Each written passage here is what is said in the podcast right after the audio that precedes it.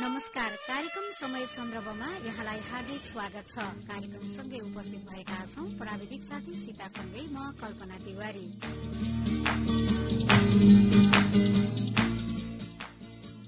तपाई यति बेला महिला समानताका लागि संचार अभियानद्वारा संचालित सामुदायिक रेडियो रेडियो मुक्ति पञ्चानब्बे थुप्रो पाँच सुनिरहनु भएको छ। तपाईँले हामीलाई रेडियोको website W W W dot radio Mukti dot O R G login गरी अर्थात मोबाइल एप्लिकेशनको हाम्रो पात्रमा रेडियो मुक्ति बुटवल सर्च गरेर संसारभर एकैसाथ सुन्न सक्नुहुन्छ। समय सन्दर्भ हरेक दिन बिहान सात तीस बजेदेखि आठ बजेसम्म हामी प्रस्तुत गर्दै आएका छौं। आज पनि सोही समयमा हामी उपस्थित भइसकेका छौं। विशेषतः हामीले कार्यक्रम समय सन्दर्भमा समसामयिक विषय वस्तुको उठान गर्ने गर्दछौं। विभिन्न अन्तर्क्रियात्मक र संवाद कार्यक्रम सञ्चालन गर्दै आएका छौं भने यति बेला मुलुकभर लैंगिक हिंसा विरूद्धको सोह्र दिने अभियान दिवस सञ्चालन भइरहेको छ। हरेक वर्ष नोभेम्बर पच्चीस तारीकदेखि डिसेम्बर दस तारीकसम्म मनाइने यो दिवस लुम्बिनी प्रदेश रूपन्देही जिल्लामा पनि विभिन्न कार्यक्रमका साथ मनाइँदै आएको छ। आज यसै सन्दर्भमा युएनएफएको आर्थिक सहयोग सिद्धार्थ सामाजिक विकास केन्द्र कपिल वस्तु र रेडियो मुक्तिको सहकार्यमा विशेष रेडियो कार्यक्रम संवाद हामीले उत्पादन गरी प्रसारण गर्न लागिरहेका छौं।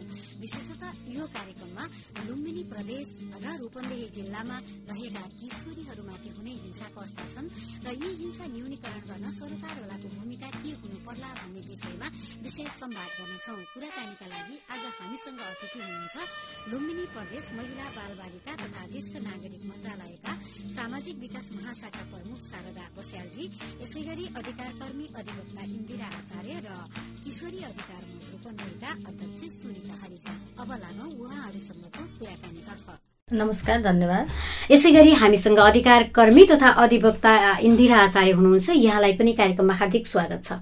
धन्यवाद। लामो समयदेखि किशोरी अधिकार किशोरीहरूको अधिकारका लागि अभियानमा हुनुहुन्छ। किशोरी अधिकार मञ्च रूपन्देहीका अध्यक्ष सुनिता हरिजन यहाँलाई पनि यो कार्यक्रममा स्वागत छ। धन्यवाद।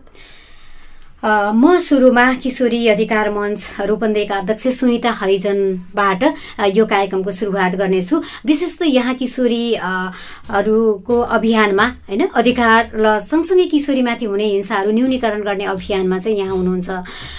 यो समयमा रूपन्देही जिल्लामा रहेर यहाँले किशोरी अधिकारको क्षेत्रमा काम गर्दै गर्दाखेरि चाहिँ किशोरीहरूमाथि देखिने हिंसाहरू कस्ता खालका छन् कस्ता प्रकारका छन्?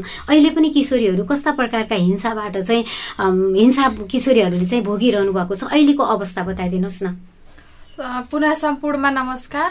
म सुनिता हेर्जन लुम्बिनी सांस्कृतिक नगरपालिका वार्ड नम्बर दुई म जिल्ला स्तरीय किशोरी अधिकार मञ्चको अध्यक्ष। र हामी चाहिँ यो किशोरी अधिकार मञ्च भन्ने एनजिओ हामी चाहिँ आफै बनाएर हामी यसमा धेरै हामी किशोरीहरूको मुद्दाहरू राखेर चाहिँ कार्यक्रमहरू कार्यहरू गरिरहेका छौँ। र अहिलेको अवस्थामा हामी किशोरीहरूमाथि एकदमै पनि पहिलादेखि पनि एकदमै थोरै मात्रै कम भएको छ नत्र पहिला जस्तै अहिले नै छ हिंसा। किनभने हामी सबभन्दा बढी हामी किशोरीहरू बलात्कृत भइरहेका छौँ र हाम्रो बाल विवाह अझै पनि भइरहेको छ। हामी किशोरीहरू बाल विवाह रोक्दा रोक्दा पनि हामी आफूले त अब रिक्स लिएर जति रोके नि हामी चाहिँ आफ्नो सरकारवालाहरूसँग भन्दा भन्दै पनि हाम्रो कुरा सुनिन्नन्। बाल विवाह चाहिँ एकदमै कम पनि भएको छैन र हामीले यो दाइजो प्रथा लैङ्गिक हिंसा अनि त्यसपछि नागरिकता बनाउने अभियान अनि जन्म दर्ता स्कुल भर्ना यी सबै अभियानहरू चाहिँ गरिरहेका छौँ। यो सबै एकदमै न्यूनीकरण भइरहेको छ तर यो हामी किशोरीहरू बलात्कृत भइरहेका छौँ एक त एकदमै बढिरहेको छ। यो हामी चाहिँ बाटोमा पनि असुरक्षित छौँ र त्यसपछि हामी आफ्नो गाउँ समाजबाट निस्क्ने बेलामा पनि कस्तो धेरै हिंसाहरू चाहिँ भोगिरहेका छौँ। त्यस्तो हामी त्यस्तो गुनासोहरू लिएर हामी आफ्नो पालिकामा जाँदाखेरि हाम्रो किशोरी भएको कारणले हाम्रो कुरै पनि सुन्नुहुन्न त्यही भएर हामी चाहिँ अहिले पनि किशोरीहरू धेरै चाहिँ हिंसामा परेका छौँ।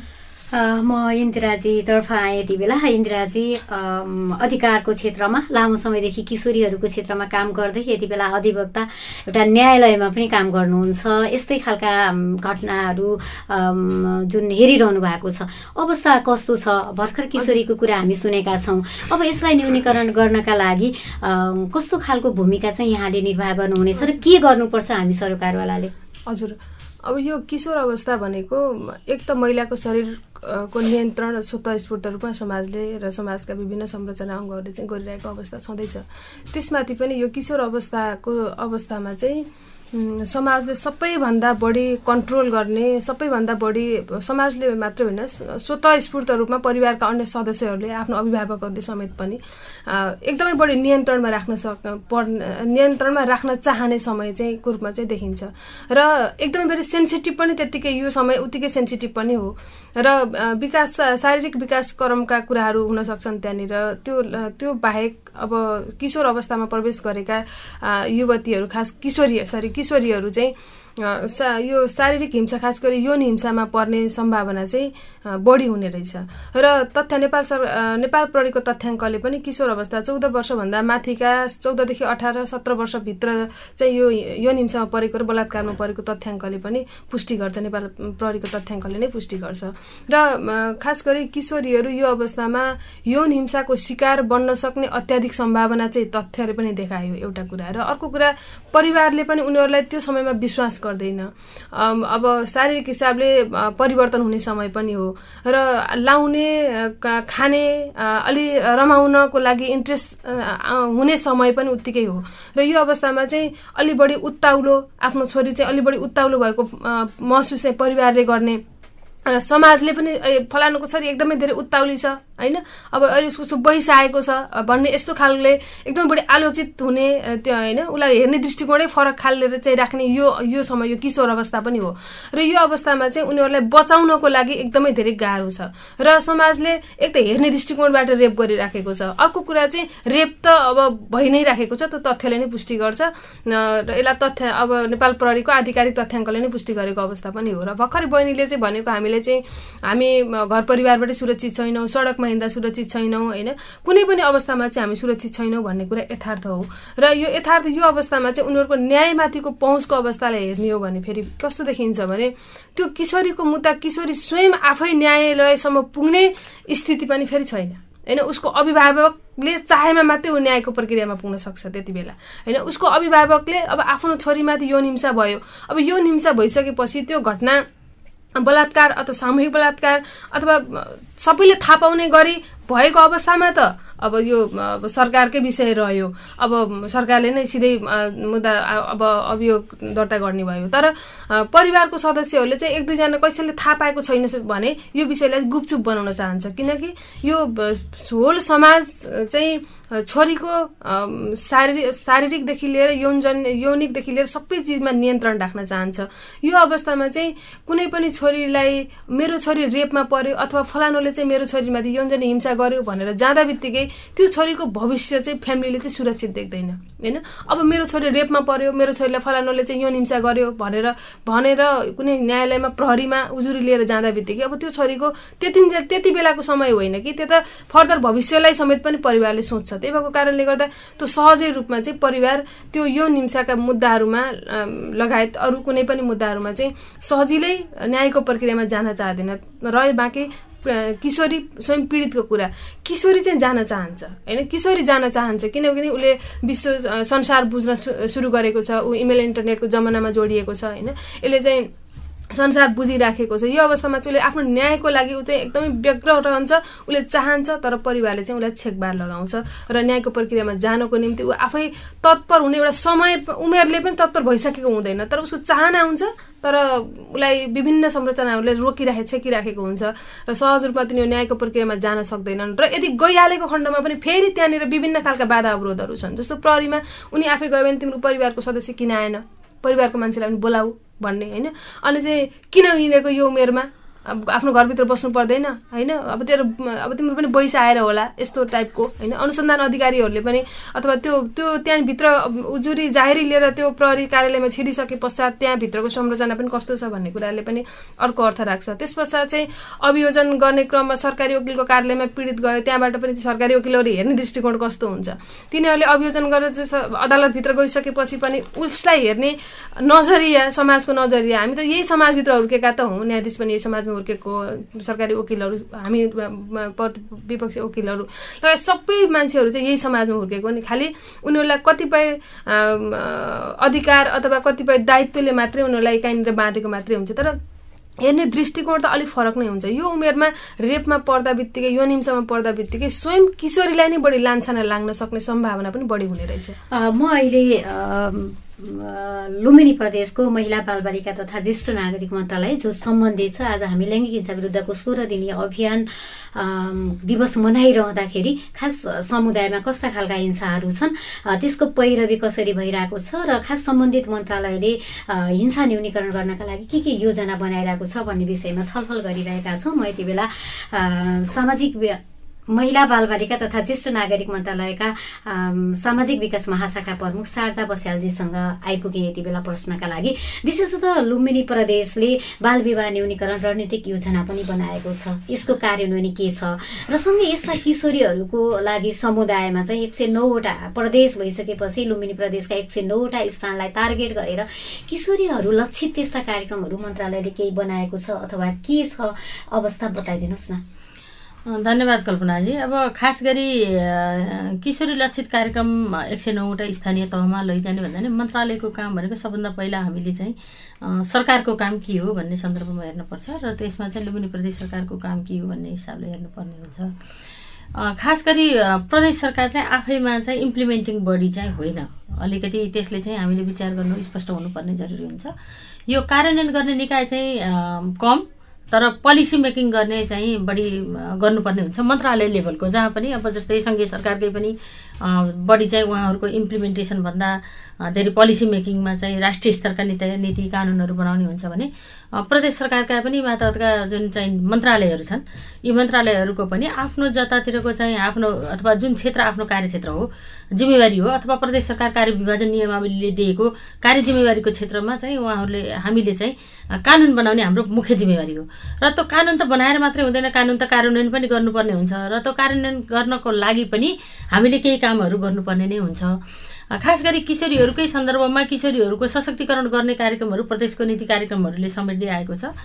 किशोर अवस्थाका किशोर किशोरीहरूको लागि चाहिँ संरक्षणका कामहरू वा उहाँहरूको चाहिँ बालबालिका भनौँ न अठार वर्षभित्रका त बालबालिका नै हुन्छन्। एघारदेखि उन्नाइसका किशोरी भने पनि हामीले चाहिँ बालबालिकाकै उमेरहरूको हिसाबले हेर्दा नि बाल के अरे अठार वर्षभित्रका बालबालिका यसै पनि बालबालिका सम्बन्धी कानुनले नै समेट्ने भएको हुनाले उनीहरूमाथि कुनै किसिमको हिंसाजन्य कार्यहरू गर्नु हुँदैन विभेद गर्नु हुँदैन। उनीहरूको शिक्षा स्वास्थ्यदेखि लिएर उनीहरूको चाहिँ आफ्नो राइट जुन हुन्छ अब अथवा हामीले चाहिँ सिआरसीको हामी पक्ष राष्ट्र हौँ। त्यसो भएको हुनाले उनीहरूले बाँच्न पाउने अधिकार संरक्षणको अधिकार सहभागिताका अधिकार लगायतका कुराहरू जुन छन् यी कुराहरू भनेका चाहिँ बालबालिकाका आफ्ना नैसर्गिक अधिकार हुन्। यी अधिकारसँग सम्बन्धित कुराहरूको एडभोकेसी त गर्नै पर्यो। कानुन पनि हामीले बनाएकै छौँ र बालबालिकाको संरक्षणका लागि पनि केही प्रदेश सरकारले बजेट विनियोजन पनि गरेको छ।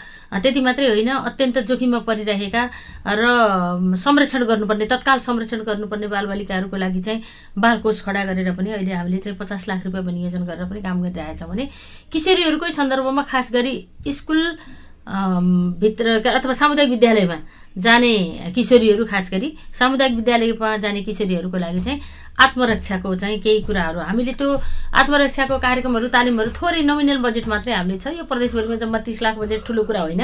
तर के हो भन्दा एउटा ग्लिम्स चाहिँ दिन खोजेको यो यसले चाहिँ के दिन्छ एउटा सङ्केत गर्छ। एउटा चाहिँ चित्र दिन्छ। ताकि प्रदेश सरकारले पनि यसमा गरिरहेछ भने चाहिँ भोलि स्थानीय तहले पनि यसै खालका कार्यक्रमहरू अगाडि बढाउँदै लैजाँदा किशोरीहरूको आत्मबल बढ्दै जान्छ भन्ने कुरा छ। र हिंसाका स्वरूपहरूको कस्ता कस्ता हिंसा छन् भन्ने हो भने हामी कहाँ चाहिँ सबै हेऱ्यो भने यसलाई राम्रोसँग विश्लेषण गरेर हेऱ्यो भने यो इन्जन्य चाहिँ हिंसा सबैले देखिने खालको हिंसा मात्रै हो। तर खास गरी उसले पाउने शिक्षाको अधिकार पाएको छैन ड्रप आउट हुनु परेको छ किशोरीहरूलाई सानो उमेरमा विवाह गरेको छ दाइजोको कारणले कुटपिट खानु परेको छ सानो उमेरमा बच्चा जन्माउनु परेको छ पेटभरि खान पाइरहेको अवस्था छैन।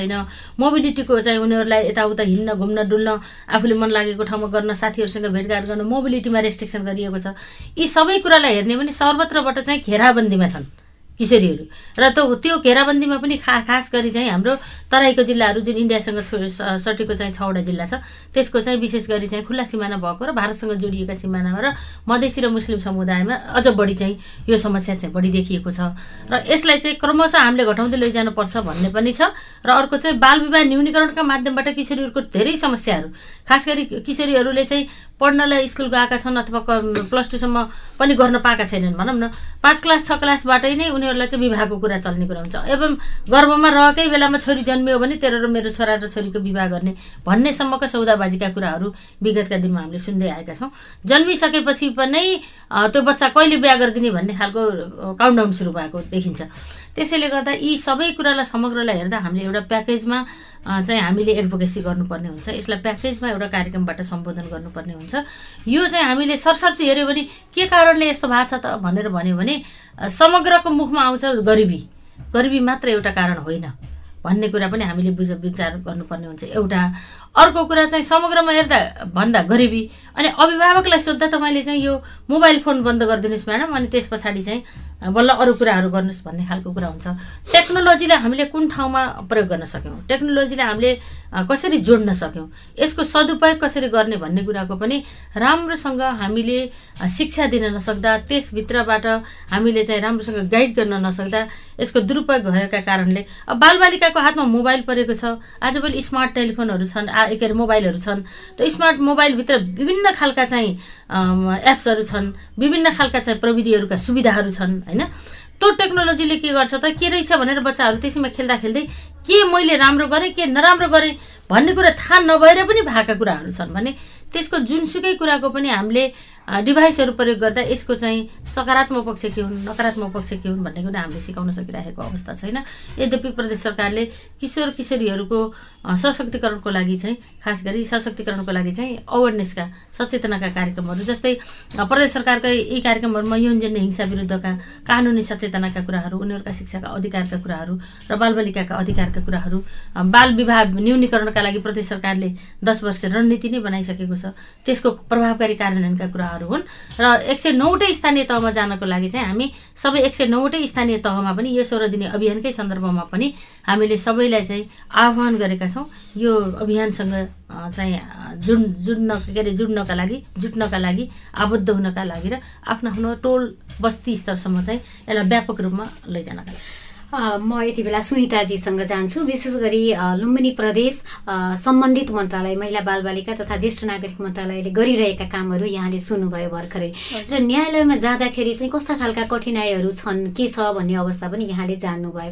र फेरि यहाँ चाहिँ जुन समुदायमा बस्नुहुन्छ त्यहाँको पीडा त यहाँलाई यथार्थ चित्रण छ।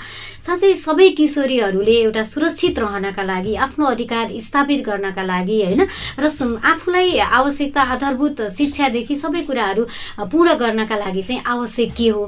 के चाहनुहुन्छ? एउटा अधिकारको क्षेत्रबाट न्यायालयको क्षेत्रबाट सम्बन्धित मन्त्रालय र सम्बन्धित पालिकाबाट चाहिँ यहाँको अहिलेको आवश्यकता अहिले म आवश्यकता महसुसीकरण गर्नुभएको छ जे त्यो चाहिँ के हो? बताइदिनुहोस् न।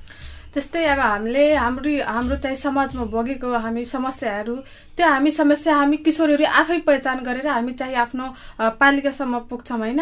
त्यहाँ हामी आफ आफूले पहिचान गरेको समस्या हामीले आफ्नो आफै गएर चाहिँ यहाँ पुग्ने बेलामा हामीले जति भने नि म्याडम सर हाम्रो पालिकाबाट हाम्रो कुरा सुनिदिनु हामीले यस्तो हिंसामा परेछौँ हाम्रो हेल्प गरिदिनु भनेर हाम्रो किशोरी भएको कारणले हाम्रो पालिकामा पनि हाम्रो वास्तै नगर्ने त्यस्तो अवस्था पनि छ अहिले। अनि हाम्रो चाहिँ परदेशमा हाम्रो किशोरीहरूको लागि हामी बालबालिकाको लागि कस्तो नीति नियम बनेको छ? हामीसँग हामी हामी कहाँ पुगेकै छैन त्यो। हामीले जानकारी पनि लिन खोजे पनि अब हामीसँग त्यति नेटवर्किङ त उस छैन नि व्यवस्था हामीले कसरी जानकारी पाउने? अब जस्तै यहाँ रेडियोको तर्फबाट अब हामी धेरै जानकारी पाइरहेछौँ। त्यस्तो रेडियोको मार्फतबाट हामी जानकारी पायो भने बल्ल हामीलाई थाहा हुन्छ। टिभीको मार्फतबाट जानकारी पायो बल्ल हामीलाई थाहा हुन्छ नि हाम्रो परदेशमा हाम्रो किशोरीहरूको लागि बालबालिकाहरूको लागि के व्यवस्था के नीति नियम बनाइएको छ भनेर हामीलाई बल्ल थाहा हुन्छ नि। अनि त्यसपछि हामीले किशोरीहरूले भोगिरहेका एकदमै हिंसाहरू चाहिँ जस्तै बलाकृत बलाकृत भएको छ भन्दाखेरि त्यो हिंसामा परेछ त्यो एनजन हिंसामा परेछ भन्दाखेरि हामीले त्यसको न्याय दिलाउनका लागि हामी किशोरीहरू स्वयं आफै उजुरी लिएर जान्छौँ। प्रारी कहाँ जाने बेलामा प्रारीले तिमीहरूकै गल्ती होला भनेर प्रारीले पनि त्यस्तो अवस्था पनि देखिएको छ। अब हामीले पालिकाबाट हामीले चिठी निकालिदिनु हामी माथि यस्तो हिंसा भन्छ हामी प्रारी कहाँ जान्छौँ हामी अदालतसम्म पुग्छौँ भनेर कुरा राख्ने बेलामा पनि अटेरी गर्ने। तिमीहरू किशोरी छौ जहाँ छौ त्यहीँ रह बसेर यस्तो पनि हामी कुरा सुन्नुपर्नेछ। हामीले किशोरीहरूले एकदमै भोगेका कुराहरू हामीले जस्तै हामी एकदमै हिंसामा परेछौँ हामी प्रहरी कहाँ भन्ने बेलामा प्रहरी तिमीहरूकै गल्ती होला भनेर भन्ने अनि त्यसपछि हाम्रो कुरोहरू गोपनीयतामा नराख्ने गोपनीयता भङ्ग गरिदिने। अब त्यस्तो हाम्रो गोपनीयता नराखेमा अब हामीले यत्तिकै हाम्रो समाजबाट समुदायबाट हामी पीडित छौँ। यदि हाम्रो गोपनीयता खुल्यो भने हाम्रो आमा बाबा हाम्रो समुदायले गाली गर्छ त्यस्तो पनि हाम्रो हामी भित्र डर हुन्छ।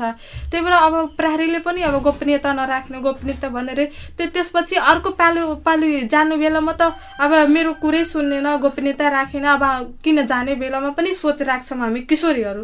हाम्रो कुरै सुने छैनन् उनीहरू किन जाने? हामी बरु यस्तै बस्छौँ भनेर हामी जुन हाम्रो मनोबल हुन्छ एकदमै घट्छ। अनि त्यसपछि हामीले किशोरीहरू माथि जुन हिंसा परेछ त्यो अदालतसम्म पुग्न खोजेछ भन्दाखेरि हाम्रो अदालतसम्म पुग्नको लागि हेल्पै छैन। कसरी पुग्ने? हामी गाउँबाट जसरी भएर हामी आफ्नो पालिकासम्म हामी किशोरी स्वयं निस्किरहेछौँ यदि हाम्रो थोरै पालिकाबाट सहयोग पाएको पाए हामी त्यही अदालतसम्म जरुर पुग्न सक्थ्यौँ भन्न चाहिँ म भन्न चाहन्छु। इन्दिराजी किशोरीले यथार्थ कुरा चाहिँ भन्नुभएको छ होइन? सबै सरकारहरूले चाहिँ काम गरिरहनु भएको छ। अहिले त स्थानीय तहमा न्यायिक समिति नै छ होइन? यी ती जुन किशोरीहरू चाहिँ सुरक्षा आफूमाथि सुरक्षा नभएका कारण पनि आफू हिंसा सहेर बसिरहेको कुराहरू त भर्खरै चित्रण पनि भयो होइन? यसलाई न्यूनीकरण गर्न हामी यति बेला बहसमा त छौँ। यो बहसको निष्कर्ष निकाल्दै गर्दा र आगामी दिनमा चाहिँ त्यस्ता खालका घटनाहरू दर्ता हुन् गोपनीयताका विषयहरू पनि गोप्य रहन् होइन? जसले गर्दा गर्दा फेरि पुनः समाजमा स्थापित हुन परिवारमा स्थापित हुन चाहिँ सहज होस् भन्ने कुराहरूलाई चाहिँ व्यवस्थित गर्न चाहिँ सबै सरकारहरूले के गर्नुपर्ने देख्नुहुन्छ तपाईँको निचोडमा हजुर। अब गोपनीयताको कुरा सुरक्षाको कुरा पहिचानको कुरा यी सबै कुराहरू चाहिँ एकदमै सेन्सिटिभ विषयहरू हुन् होइन? अब कुनै पनि घटना घट्यो कुनै पनि बालिकामाथि रेप भयो अब एकद्वार सङ्कट व्यवस्थापन प्रणाली छ ओसिएमसी भनेर जिल्ला अस्पतालहरूमा पनि छ लुम्बिनी प्रादेशिक अस्पतालमा पनि छ हाम्रो नजिकै होइन? अब यो अवस्थामा कुनै पनि किशोरीमाथि यौन हिंसा भयो अथवा चाहिँ कुनै खालको हिंसा भयो भने उनीहरू चाहिँ तत्कालै एउटा अस्पतालमा चाहिँ उपचारको लागि मात्रै भनेर त्यो अस्पतालभित्र जान सक्छन् होइन? त्यो अस्पतालभित्र प्रवेश गरिसकेपछि त्यति जेलसम्म उसले आफ्नो परिवारको सदस्यलाई पनि भन्न नचाहेको खण्डमा ऊ आफू एक्लै पनि जान सक्छ अथवा किशोरी सञ्जाल मार्फत पनि जान सक्छ होइन? र त्यहाँ पुगिसके पश्चात अब रह्यो उसको सुरक्षाको कुरा। ऊ कहाँ बस्ने साँझ होइन? घरमा जान सक्ने स्थिति छैन। अब घरकै मान्छेले सहयोग गर्दैन भने त्यो अवस्थामा ओसिएमसी मार्फतै फेरि सुरक्षित आवास गृहमा रेफर गरिन्छ होइन? एक त ओसिएमसीमै हुनुपर्ने हो त्यो संरचना अब त्यो ओसिएमसीको सेवाभित्र पर्छ त्यो। यद्यपि कुनै पनि ओसिएमसीहरूले चाहिँ त्यो सेवा ठ्याक्कै सुरु स्टार्ट नगरेको कारणले गर्दा चाहिँ उनीहरूले फेरि समन्वय गर्ने भनेको यहाँको कदम नेपाल अथवा कहिलेकाहीँ तत्कालै अप्ठ्यारो पऱ्यो भने माइती माइती नेपालले पनि राख्न सक्ला होइन? अथवा अरू कुनै संस्थाले पनि राख्न सक्ला। त्यस्तो अवस्थामा चाहिँ कुनै संस्थामा रेफर गर्ने गर्न सक्छ होइन। भने उहाँहरूले चाहिँ ठ्याक्कै के थाहा पाउनु पऱ्यो भने म माथि चाहिँ हिंसा भयो भने अथवा म माथि घरले हिंसा भयो अथवा म माथि यौनजन्य हिंसा भयो म माथि अरू अरू कुनै पनि प्रकारका चाहिँ घटनाहरू भयो भने चाहिँ म तत्काल ओसिएमसी कुनै अस्पतालहरूमा जिल्ला अस्पतालमा जान्छु त्यहाँको ओसिएमसी खोज्छु होइन। त्यहाँको ओसिएमसीभित्र प्रवेश गर्छु त्यस पछाडि उसैले नै मलाई कहाँ राख्नुपर्ने हो के उपचार गर्नुपर्ने हो कहाँ रेफर गर्नुपर्ने हो अथवा मेरो मुद्दाको लागि फाइल कसरी अगाडि बढाउनु पर्ने हो कुनै वकिल मार्फत चाहिँ अगाडि जानुपर्ने हो भने वकिललाई सम्पर्क गर्ने कुरा पनि त्यही ओसिएमसी मार्फतै त्यो सेवा प्रदान छ छ। होइन त्यो ओसिएमसीको सेवाको विषयमा धेरै समुदायलाई जानकारी छैन पीडितहरूलाई जानकारी छैन यो सत्य हो होइन। र यो अवस्थामा चाहिँ कम्तीमा पनि किशोरी एउटा सञ्जालले चाहिँ के पनि गर्दा राम्रो हुन्थ्यो भने त्यो ओसिएमसी सेवाको विषयमा पनि जानकारी गराउँदा बित्तिकै चाहिँ पीडित कुनै पनि घटनाको पीडित चाहिँ त्यहाँ पुग पुग्छ त्यो संरचनाभित्र छिर्छ। त्यहाँभित्र छिरिसकेपछि आफ्नो सुरक्षा न्यायको प्रक्रिया उपचार सबै चिज त्यहीँबाट हुने भएको भएर सबैभन्दा प्रभावकारी संयन्त्र भनेको अहिलेको लागि कुनै पनि पीडितको लागि ओसिएमसी सेवा हो। र त्यो ओसिएमसी सेवाको लागि जस्तो अरू विभिन्न संस्थाहरूले चाहिँ जस्तो कदम नेपालले सेल्टर चलाएको छ माइती नेपालको पुरानै आबादी गृह छ अरू संस्थाहरू पनि हुनुहुन्छ आफन्त नेपालहरू पनि छ होइन। अब उनीहरूले पनि तत्कालको लागि सहयोग गर्न सक सबैजनाले सक सक्छ होइन। त्यो अवस्थामा चाहिँ दृढपूर्वक न्यायको लागि अगाडि आउनको लागि एउटा कुरा के रहेछ नि परिवार पनि उनीहरूले त्याग्न सक्नुपर्ने स्थिति। कहिलेका त्यस्तो स्थिति आयो कि? अब त्यो परिवारै परिवार त्याग्न झ्याप्प कसैले पनि सक्दैन। तर त्यो स्थिति त्यो स्थिति आयो भने मेरो लागि यो संरचना छ है बलियो संरचना। त्यहाँ गयो भने म कुनै पनि अवस्थामा सेक्युरिटी सेक्योर छु। फ्यामिलीलाई चाहिँ एकछिन काउन्सिलिङ नगरुन्जेलसम्म फ्यामिली यस्तो गर्ने। त्यसपछि फ्यामिली पनि मेरो कुरा बुझ्छ भन्नको लागि चाहिँ एउटा संरचना भनेको त्यो त्यो संरचना छ। त्यहाँनिर आयो भने उसले सबै न्यायको प्रक्रियादेखि उपचार सबै चिज चाहिँ मनोविमर्श सब चिज चाहिँ त्यहाँ छ। र त्यस मार्फत चाहिँ उसले न्यायको प्रक्रियामा आउनको लागि सहज हुन्छ। अब बाँकी रह्यो उसको गोपनीयताको कुरा। गोपनीयताको कुरा पनि त्यो एउटा एउटा संरचनाभित्र छिरिसकेपछि त गोपनीयता छ। होइन भने अरू कुनै अस्पतालहरूमा गयो क्लिनिकहरूमा गयो भने पहिला पहिला त के देख्थ्यौँ भने लुम्बिनी प्रादेशिक अस्पतालमा ओसिएमसीको नाम चाहिँ थियो त्यति बेला पनि तर कार्यान्वयनमा थिएन। त्यति बेला कुनै पनि भिक्टिम भित्र छिर्यो भने ए फलाना त रेपमा परेको रे ऊ भने नर्सहरू अब त्यो पढ्ने स्टुडेन्टहरू नर्सहरू हुन्छ उनीहरू पनि गुरगुर्दै उनीहरूको पछि लाग्यो त्यहाँ पढ्ने त्यहीँ भएको स्टाफहरू पनि पछि लाग्यो अरू हेर्ने मान्छेहरू उत्तिकै जाने होइन? त्यो चाहिँ यति धेरैजना मान्छेले थाहा पाउने कि त अल हस्पिटल हस्पिटलभित्र चाहिँ यस्तो यस्तो उमेरको केटीमाथि चाहिँ यस्तो रेप भएर यस्तो भएछ होइन? अथवा बिग्रेकी केटी होला। यस्तो विभिन्न खालले चाहिँ त्यो त्यो बच्चामाथि त्यो महिलामाथि हेर्ने दृष्टिकोण चाहिँ विभिन्न खालले थुपरिन्थ्यो। भने अहिले चाहिँ कम्तीमा पनि त्यो ओसिएमसी सेवा स्टार्ट भइसकेपछि प्रहरीले प्रहरीमा सम्पर्क आउँदा त्यो प्रहरीले पनि त्यही भित्रबाट छिराइदिने होइन। त्यस पश्चात चाहिँ सहज पनि भएको छ। यो सेवाको विषयमा पनि जानकारी नहुनु जानकारी पनि अघि जस्तो अघि बहिनीले चाहिँ किशोरी बहिनीले के भन्नुभयो भने लुम्बिनी प्रदेश सरकारले यस्तो गरेको रहेछ। यो विषयमा हामीलाई जानकारी भएन। जानकारी पायौँ भने त हामी त्यो चिज त्यहाँनिर पुग्थ्यौँ नि। हाम्रो पहुँच भएन भने उहाँको भाषाले चाहिँ त्यो पहुँच भन्ने शब्दलाई चाहिँ सङ्केत गर्थ्यो। मेरो चाहिँ पहुँच नभएको कुरा गर्नुभयो। अब साँच्चीकै अब ठ्याक्कै कसो हो भने अब प्रदेश सरकारसम्म उहाँ उहाँहरूको पहुँच नहुन सक्छ। तर प्रदेश सरकारले निर्माण गरेका जुन संरचनाहरू छन् अब ठ्याक्कै अहिले त संरचनाहरू संरचनागतले पनि त्यति डेभलप गरिसकेको अवस्था त होइन। तर सामाजिक डिभिजन कार्यालय छ जस्तो प्रदेश सरकारको जिल्ला स्तरमा। भने त्यो सामाजिक डिभिजन कार्यालयमा गयो भने जस्तो किशोरीहरूको आत्मरक्षाको त ट्रेनिङहरू हुँदैछ। अब त्यो किशोरीहरूसँग किशोरी अधिकार मञ्च किशोरी सञ्जालसँग समन्वय नगरिकन त्यो ट्रेनिङ नचलाओस् प्रदेश सरकारले होइन? र त्यो लगायत अरू सेल्टरका सुविधाका कुराहरूदेखि लिएर उनीहरूको तालिम क्षमता अभिवृद्धिका लागि लिएर विभिन्न खालका अभियानहरू छन् प्रोग्रामहरू छ त्यो सरकारको भने। त्यो त्यो अभियानहरू त्यो प्रोग्रामहरू गर्नको लागि त्यहाँको किशोरी सञ्जाललाई बढी एक्टिभ बनाओस् कि? त्यहाँको नजिकको लोकल लेभलको संस्थाहरूलाई एक्टिभ बनाओस् संस्थाहरू भनेको त सरकारका स्वयंसेवी एउटा युनिटहरू पनि त हुन् नि। त्यसलाई त्यसरी पनि हेर्नु पऱ्यो नि होइन? त्यसरी काम गर्यो भने पक्कै पनि गोपनीयताको कुरा सुरक्षाको कुरा न्यायको कुरा कुनै एउटा संस्थाले कुनै एउटा क्याम्पेनले छोपेको मुद्दा अहिले पनि हामीले हेर्छौँ अदालतहरूमा। कुनै पनि जस्तो अब बिचमा तिलोत्तमा छैन महिना यही बुटोल लगायतमा जुन यो आत्महत्या भनिएका घटनाहरू अगाडि आए त्यस घटनामा चाहिँ आम समुदाय उर्लियो कि। होइन यो चाहिँ आत्महत्या मात्रै हुन सक्दैन। होइन यो कारण छ ऊ मर्नुमा। यदि आत्महत्या नै हो भने पनि स्वीकार्यो। आत्महत्या गरेको हो तर यो यो कारणले गर्दा आत्महत्या गरेको उनीहरूलाई चाहिँ सजाय हुनुपर्छ भनेर आम उसका आफन्तहरू नागरिक समाजहरू त्यहाँका नजिकका छरछिमेकहरू सबै मान्छेहरू चाहिँ अगाडि आए। त्यो घटनाहरूमा चाहिँ कस्तो हुँदो रहेछ भने न्यायालयमा पनि अब त्यो प्रभाव भनेर कस्तो खालको प्रभाव भन्ने अब कुनै चाहिँ नेगेटिभ प्रभाव चाहिँ होइन। त्यसले चाहिँ पोजिटिभ के एउटा म्यासेज दिन्छ भने त्यो एउटा प्रमाण पनि हो कि? होइन? त्यो समाज त्यसरी त्यसै उर्लेको छैन है? होइन? त्यो महिला मर्नुमा चाहिँ त्यो समाज त्यसै उर्लेको छैन भने एउटा प्रमाण चाहिँ सडकले पनि प्रमाण देखाउँछ कि अदालत एउटा दबाब सिर्जना गर्छ। त्यो बेन्चलाई चाहिँ एउटा दबाब सिर्जना गर्छ।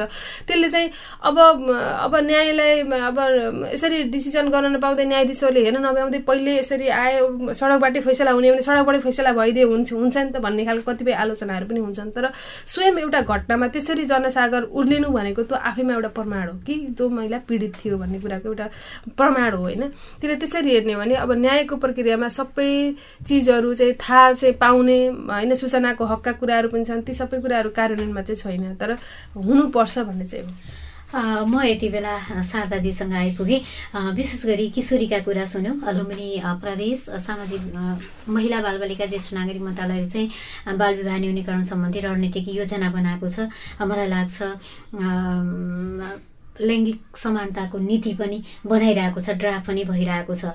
सूचना वेबसाइटमा चाहिँ राखिएको छ मन्त्रालयको होइन? रणनीतिक योजना बनाएको कुराहरू पनि राखिएको छ। नेटको पहुँचमा रूपन्देहीका किशोरी छैनन् भने त हाम्रो त रोल्पा रुकुम पनि लुम्बिनी प्रदेशमा पर्छ।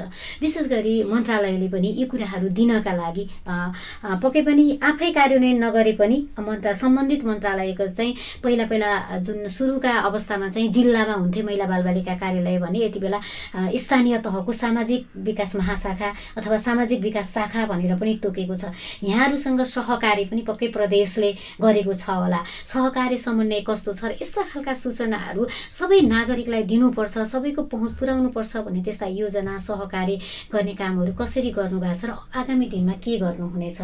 सँगै फेरि ओसिएमसी सेवा लुम्बिनी प्रादेशिक अस्पतालमा छ। त्यो चाहिँ हाम्रो मन्त्रालयसँग जोडिएको विषय पनि हो सहकारी गर्ने। योसँग सहकारी कस्तो छ? यसको सूचनाहरू नागरिकलाई दिने काम पनि कसरी भइरहेछ? कसरी सहकारी गर्नुभएको छ?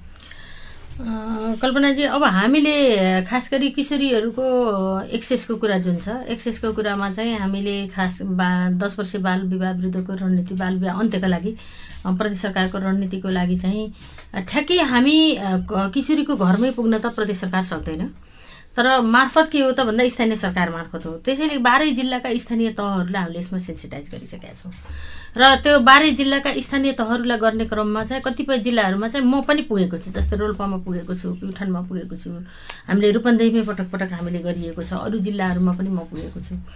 यसरी कपिल वस्तुमा पनि हामी पुगेको छ म पुगेको छु। अरू अरू जिल्लाहरूमा म नगएर मेरो साथीहरू पनि जानुभएको छ। जुन हिसाबले भए पनि त्यो संयन्त्र त्यहाँ पुगेको छ। भन्न खोजेको कुरा के हो भने यो बाल विवाहको लागि र सोसियल सेक्टर हेर्नको लागि स्थानीय तहमा चाहिँ उपमेयर वा उपप्रमुख वा उपाध्यक्ष भनौँ न उपाध्यक्षज्यूको चाहिँ नेतृत्वमा त्यहाँ चाहिँ सामाजिक विकास महाशाखाले चाहिँ काम गर्ने गर्छ। उहाँको किन भन्दा बालबालिकाको बाल अधिकार समितिको अध्यक्ष उहाँ न्यायिक समितिको सदस्य उहाँ के अरे अध्यक्ष संयोजक। उहाँ त्यसै गरी चाहिँ अरू विभिन्न समितिहरूको संयोजक उहाँ अनुगमनका कुराहरूमा पनि संयोजक उहाँ बजेट भाषणै गर्ने कुरा चाहिँ उहाँले गर्नुहुन्छ सोसियल सेक्टरलाई। हाम्रो उहाँसँग के रिक्वेस्ट छ भने हामीले यही सोह्र दिने अभियानकै सन्दर्भमा उहाँहरूसँग हामी चाहिँ रूपन्देही जिल्लाका उपप्रमुखहरू कपिलवस्तु जिल्लाका उपप्रमुखहरूसँग मैले भेट्ने मौका पाएँ। उहाँहरूसँग मेरो एउटा रिक्वेस्ट के हो भने उहाँहरूले बजेट बनाउने क्रममा बजेट प्रस्तुतै गर्ने व्यक्तिले पनि सोसियल सेक्टरलाई चाहिँ कतिको इन्कर्पोरेट गर्नुभयो भन्ने कुरा पहिला उपप्रमुखजीहरूले पनि यसलाई चाहिँ अलिकति जोड दिएर अथवा यसलाई चाहिँ अलिकति प्रभावकारी रूपमा अगाडि बढाउनको लागि महत्त्वका साथ हेरिदिनुपर्छ भन्ने कुरा उहाँहरूसँग हामीले रिक्वेस्ट गरेका छौँ। यद्यपि उहाँहरूले गर्नुभयो होला अहिले त नयाँ सरकार भर्खरै भनौँ न अहिलेको स्थानीय तहको चाहिँ अहिले अहिलेको स्थानीय सरकार त भर्खर भर्खर आएको छ बाँकी अब साढे चार वर्ष त काम गर्न उहाँहरूको बाँकी छ भने यो आगामी दिनका बजेट प्रस्तुत गर्ने क्रममा। यो बजेट चाहिँ अघिल्लो उपमेयरले नै प्रस्तुत गरेको बजेट अथवा अघिल्लो चाहिँ कार्यपालिकाले गरेको प्रदेश के अरे स्थानीय तहले गरेको स्थानीय सरकारले प्रस्तुत गरेको बजेटमा काम गर्दै हुनुहुन्छ। अर्को वर्षदेखि आउने यस्ता खालका पाँचवटा बजेट अब उहाँले त त्यसभन्दा पछाडिको सरकारको पनि बजेट प्रस्तुत गरेर जानुहुन्छ। सो उहाँले चाहिँ यस्ता खालका कुरालाई प्रायोरिटी दिनुपर्छ भन्ने हामीले गर्ने भनेको स्थानीय तहलाई नै सबलीकरण गर्ने हो। स्थानीय तहकै हामीले चाहिँ टेक्निकल क्यापासिटी बढाउने हो। त्यसैले गर्दा हामी डाइरेक्ट चाहिँ प्रत्यक्ष रूपमा किशोरीहरूको बिचमा पुग्न नसके स्थानीय तहसँग हामीले जोडिएर काम गरेका छौँ भन्ने कुरा अनुरोध गर्न चाहेँ। अर्को कुरा चाहिँ हाम्रो इन्दिराजीले भने जस्तै यो सेल्फ डिफेन्सका ट्रेनिङहरू सामाजिक विकास डिभिजन कार्यालयमै पठाइएको छ। अहिले महिला मन्त्रालयभित्र भए पनि होइन तपाईँले पटक पटक झुकिनु भएको छ तर यो हाम्रो महिला बालबालिका मन्त्रालय मातहतको निकाय चाहिँ नभएर शिक्षा अहिले पहिलाको सामाजिक विकास मन्त्रालय मातहत र अहिले चाहिँ शिक्षा तथा खेलकुद मन्त्रालय मातहतको जुन सामाजिक विकास डिभिजन कार्यालय छ त्यो सामाजिक विकास किनभने हामीले खास गरी सामुदायिक विद्यालयलाई मैले अघि पनि जोडेको थिएँ। हामीले चाहिँ प्राइभेट स्कुलहरूले आफूले विभिन्न खालका फीहरू विभिन्न खालका चाहिँ शुल्कहरू लिएर पनि विभिन्न खालका ट्रेनिङहरू दिने विभिन्न खालका चाहिँ सिपहरू दिने गर्छ। भने सामुदायिक विद्यालयमा त्यस्ता खालका अपर्च्युनिटीहरू कम हुन्छ। र यो पनि खास गरी किशोरीकै लागि नै भनेर हामीले भनेका छौँ। र चाहिँ हामीले बाह्रवटै जिल्लामा बाह्रवटै जिल्लामा कम्तीमा दुईवटा तिनवटा स्कुलहरू जति सकिन्छ। त्यहाँ इच्छुक किशोरीहरूलाई एघारदेखि उन्नाइस वर्षभित्रका किशोरीहरूलाई नै टार्गेट गरेर दिनु भनेर पठाएको छौँ। र त्यसमा मैले उहाँहरूलाई रिक्वेस्ट मेरो के छ भने सोह्र दिने अभियानकै सन्दर्भ पारेर त्यसको सुरुवात गर्न पाएँ। हुन्थ्यो त्यो गरिदिए हुन्थ्यो सामाजिक विकास डिभिजन कार्यालयले भन्ने उहाँहरूसँग मेरो अनौपचारिक चाहिँ छलफल पनि भइरहेको अवस्था छ। र अर्को कुरा चाहिँ के हो भन्दा किशोरीहरूको अघि जुन कुरा थियो अब उहाँहरूको गोपनीयताको कुराहरूलाई त जुबेनाइल जस्टिसको कुरा छ नि त। जुबिनाइलको कुरा छ बाल चाहिँ इजलास गठन गर्ने भन्ने कुरा छ भने त किशोरीहरूका सवालहरूलाई त अदालतमा त्यस्ता खालका सबैका सार्वजनिक बहसका विषय बनाइनुहुन्न त्यसलाई बाल बाल इजलासको माध्यमबाट पनि उहाँहरूका चाहिँ समस्याहरूलाई उहाँहरूका केसहरूलाई त्यसरी हेर्नुपर्छ र उहाँहरूको गोपनीयताको कुराहरूलाई पनि ख्याल गर्नुपर्छ भन्ने कुरा पनि हाम्रो अदालतले हेर्नुपर्ने कुरा छ। अब अर्को कुरा बाँकी के रह्यो भने हाम्रो ओसिएमसी सेवा जुन छ ओसिएमसी सेवा भनेको चाहिँ खास गरी एक द्वार सङ्कट व्यवस्थापन प्रणाली हो यो। होइन? One stop crisis management centre भन्छ। त्यो one stop crisis management centre भनेको आफैमा के हो त भन्दाखेरि कुनै पनि व्यक्ति कुनै पनि किशोरी मात्र होइन त्यहाँ अरू महिला अथवा पुरुष अथवा अरू जो पनि व्यक्ति चाहिँ आउन सक्ने भयो लैङ्गिक हिंसाबाट परेको व्यक्तिहरू आइसकेपछि पहिला चाहिँ त्यहाँ आउन बित्तिकै सबभन्दा सुरुमा उसले चाहिँ सुरु आउँछ आउन बित्तिकै कहिले काहीँ कस्तो हुन्छ भने शारीरिक चोटपटक लागेको हुनसक्छ बलात्कार हुन सक्छ त्यस्ता खालका व्यक्तिहरूको प्रमाण नष्ट नहुनको लागि सबैभन्दा पहिला ओसिएमसीमा आउन बित्तिकै चोटपटक छ कि छैन बलात्कृत हो कि होइन र फिजिकल्ली तिनी कुनै पनि प्रमाण हामीले राख्नुपर्ने छ कि छैन भन्ने कुरा हामीले चाहिँ सबभन्दा पहिला ख्याल गर्नुपर्ने कुरा। यदि फिजिकल त्यस्ता प्रमाण राख्नुपर्ने छ भने मेडिकल चाहिँ प्रमाण राख्नुपर्ने छ भने तत्काल डक्टरसँग लिएर त्यसलाई सुरक्षित राख्नुपर्छ प्रहरीलाई खबर गर्नुपर्छ बयान लिनको लागि सरकारी वकिललाई खबर गर्नुपर्छ। लगायतको सेवा एकीकृत सेवा त्यही। त्यो जहाँ चाहिँ ओसिएमसीमा आउँछ वान स्टेप क्राइसिस म्यानेजमेन्ट सेन्टरमा आउँछ अस्पतालमा आधारित। यो हाम्रो चाहिँ लुम्बिनी प्रदेशका बाह्रवटै जिल्ला अस्पताल। प्रादेशिक अस्पताल रामपुर अस्पताल र भेरी भेरी अस्पताल। यी सबै अस्पतालमा करिब पन्ध्रवटा अस्पतालमा चाहिँ हाम्रो यो ओसिएमसी सेवा छ। तर रहेछ कि यो ग्याप कहाँनिर रहेछ भन्दा केही दिन अगाडि मात्रै हाम्रो एकजना चाहिँ एकदमै यही हाम्रो सेरोफेरोको चाहिँ उपमेयरज्यूले भन्नुभयो कि यो ओसिएमसी सेवाको बारेमा त अहिलेसम्म मलाई थाहा रहेनछ म्याडम अस्ति तिन दिन अगाडि थाहा पाएँ भनेपछि अब मलाई अस्तिको कुराले के झझल्को दिइरहेछ भने अब ओसिएमसी सेवा छ भन्ने कुरा पनि हामीले स्थानीय तहलाई हामीले त सरकारी सेवा हो। यो सरकारले दिएको सेवा हो। सबैलाई थाहा छ भन्ने मानिन्छ नि त सामान्यतया। अब कानुनको अब के अरे अनभिज्ञता पनि क्षम्य हुँदैन भन्ने छ के अरे कानुन भएको कुराहरू पनि त्यस्तै कार्यक्रमहरू पनि त्यसरी नै छन् भन्ने होला। ओसिएमसी कति वर्षदेखि चलिरहेछ? यो छैन अथवा जानकारी नै छैन भन्दाखेरि पनि हामी कता कता छाँगाबाट खसे जस्तो भएको छौँ। सो हामीले यस्ता कुराहरूको पनि गर्नुपर्ने हुन्छ र यो सूचना कसरी प्रवाह गर्ने भन्ने कुरामा हामी अलि अझ अझ योभन्दा अहिलेभन्दा सक्रियता देखाउनुपर्छ र अझ सेन्सिटिभ हुनुपर्छ भन्ने कुरामा हामी प्रतिबद्ध छौँ। हामी कार्यक्रमको अन्त्यमा आएका छौँ। सुनिताजी अहिले हामी लैङ्गिक हिंसा विरुद्धको सोह्र दिने अभियानमा छौँ। तपाईँ पनि किशोरी अधिकारको एउटा अभियानमा हुनुहुन्छ। आफ्नो प्रतिबद्धता जनाइदिनुहोस् छोटोमा। जस्तै हामी चाहिँ यो सभ्य समाजको पहिचान र लैङ्गिक हिंसा विरुद्ध स्वर दिने अभियानमा चाहिँ हामी कार्यक्रमहरू थुप्रै गरिरहेका छौँ। अनि अनि त्यसभित्र हाम्रो गाउँघर समाज समुदायको किशोरीहरूमाथि जुन हिंसाहरू भइरहेछ स्वयं हामी जुन आफ्नो आँखाबाट हेर्छौँ त्यो हामीमा मात्र नभइकन हामी जस्तै धेरै किशोरीहरू छन्। उहाँहरू एकदमै चाहिँ पीडित भइरहेका छन् हिंसामा परेका छन्। उहाँहरूलाई कसरी उद्धार गर्ने हामी सबै किशोरीहरू चाहिँ मिलेर चाहिँ अगाडि बढ्नेछौँ र आफू पनि गर्दैनौँ हिंसा र अरूलाई पनि गर्न दिन्नौँ भन्ने प्रतिबद्धता म जनाउँछु। यसै गरी इन्दिराजीलाई पनि यो हामी सोह्र दिने अभियान छ दिवस मनाइरहेछौँ। प्रतिबद्धता छोटोमा जनाइदिनु अनुरोध धन्यवाद। अब यो मेरो प्रतिबद्धता चाहिँ के हो भने म चाहिँ हिंसा गर्दिनँ म हिंसा सहन्न र हिंसामा परेका व्यक्तिहरूको उद्धार राहत संरक्षण लगायतको कुरामा चाहिँ निरन्तर पैरवीमा रहन्छु। र कुनै पनि पीडितको सहज रूपमा पहुँच हुने खालका चाहिँ संरचनाहरू चाहिँ बढुन् स्थानीय पालिका प्रदेश सरकार सङ्घीय सरकार सबैका जुन जुन संरचनाहरू छन् तत्त संरचनाहरूमा चाहिँ पहुँच योग्य संरचनाहरू बनुन् त्यो आकाशको फल आँखा तरी मर भन्ने खालको एउटा उखान छ त्यस्तो खालको कुनै पनि संरचना नबनुन् भन्ने चाहिँ मेरो सन्देश पनि हो। विशेष गरी शारदाजी आफ्नो प्रतिबद्धता जनाइदिनु अनुरोध गर्दछु। मैले चाहिँ खास गरी यो सोह्र दिने अभियानकै सन्दर्भमा मात्रै पनि कुरा होइन। खास गरी हुन त अब अहिले हामी सोह्र दिने अभियानकै सन्दर्भमा छौँ। यो सभ्य समाजको पहिचान भनेर के अरे हामीले कुरा जुन गरिरहेछौँ। अब सोह्र दिने अभियान मनाइराख्ने क्रममा चाहिँ मैले म जुन सेवामा छु म जहाँ छु म जुन पदमा कार्यरत छु र मेरो जिम्मेवारी कार्य जिम्मेवारी चाहिँ हो यसलाई मैले न्यायोचित तरिकाले र चाहिँ राम्रो तरिकाले चाहिँ निर्वाह गर्न सकेँ भने यो चाहिँ राम्रो हुनसक्छ भन्ने कुरा हो। त्यसैले गर्दा यो जिरो टलरेन्सको जुन कुरा छ शून्य सहिष्णुताको म हिंसा गर्दिनँ म हिंसा सहन्न र म हिंसा विरुद्ध प्रतिकार गर्छु र यस्ता खालका हिंसा देखेकोमा सम्बन्धित चाहिँ निकायसम्म यसको पहुँच पुर्याउने कुरामा चाहिँ म प्रतिबद्ध छु भन्ने कुरा पनि जनाउन चाहन्छु र मैले मेरो आफ्नो टिओआर अनुसारको यो यही सोसियल सेक्टरमा लागेको हुनाले यो हिंसा विरुद्ध अभियानमा म मेरो व्यक्तिगत तर्फबाट र संस्थागत तर्फबाट पनि सदैव क्रियाशील रहनेछु भन्ने कुरा चाहिँ व्यक्त गर्न चाहन्छु। हामी यति बेला कुराकानीसँगै थियौँ र हामी अन्त्यमा आएका छौँ। आज हामीसँग अतिथि हुनुहुन्थ्यो लुम्बिनी प्रदेश महिला बालबालिका तथा ज्येष्ठ नागरिक मन्त्रालयका सामाजिक विकास महाशाखा प्रमुख शारदा बस्यालजी यसै गरी अधिवक्ता तथा अधिकारकर्मी अधिवक्ता इन्दिरा आचार्यजी र किशोरी अधिकार मञ्च रूपन्देहीका अध्यक्ष सुनिता हरिजनजी उहाँहरूसँगको कुराकानीसँगै हामी कार्यक्रमको अन्त्यमा आइसकेका छौँ। विशेष गरी समुदायमा यति बेला विभिन्न खालका लैङ्गिक हिंसाहरू भइरहेको हामी देखिरहेका छौँ भोगिरहेका छौँ। छौँ सुनिरहेका छौँ यी सबै खालका हिंसाहरू अन्त्य गर्न तपाईँ म अनि हामी सबैको सहकारी समन्वय र सहकारी चाहिन्छ। तब मात्र हामीले हिंसारहित समाज र एउटा सभ्य समाजको निर्माण परिकल्पना गर्न सक्छौँ। यसैले आउनुहोस् हामी सबै हातेमालो गरौँ। यो अभियान हाम्रो निरन्तर रहनेछ।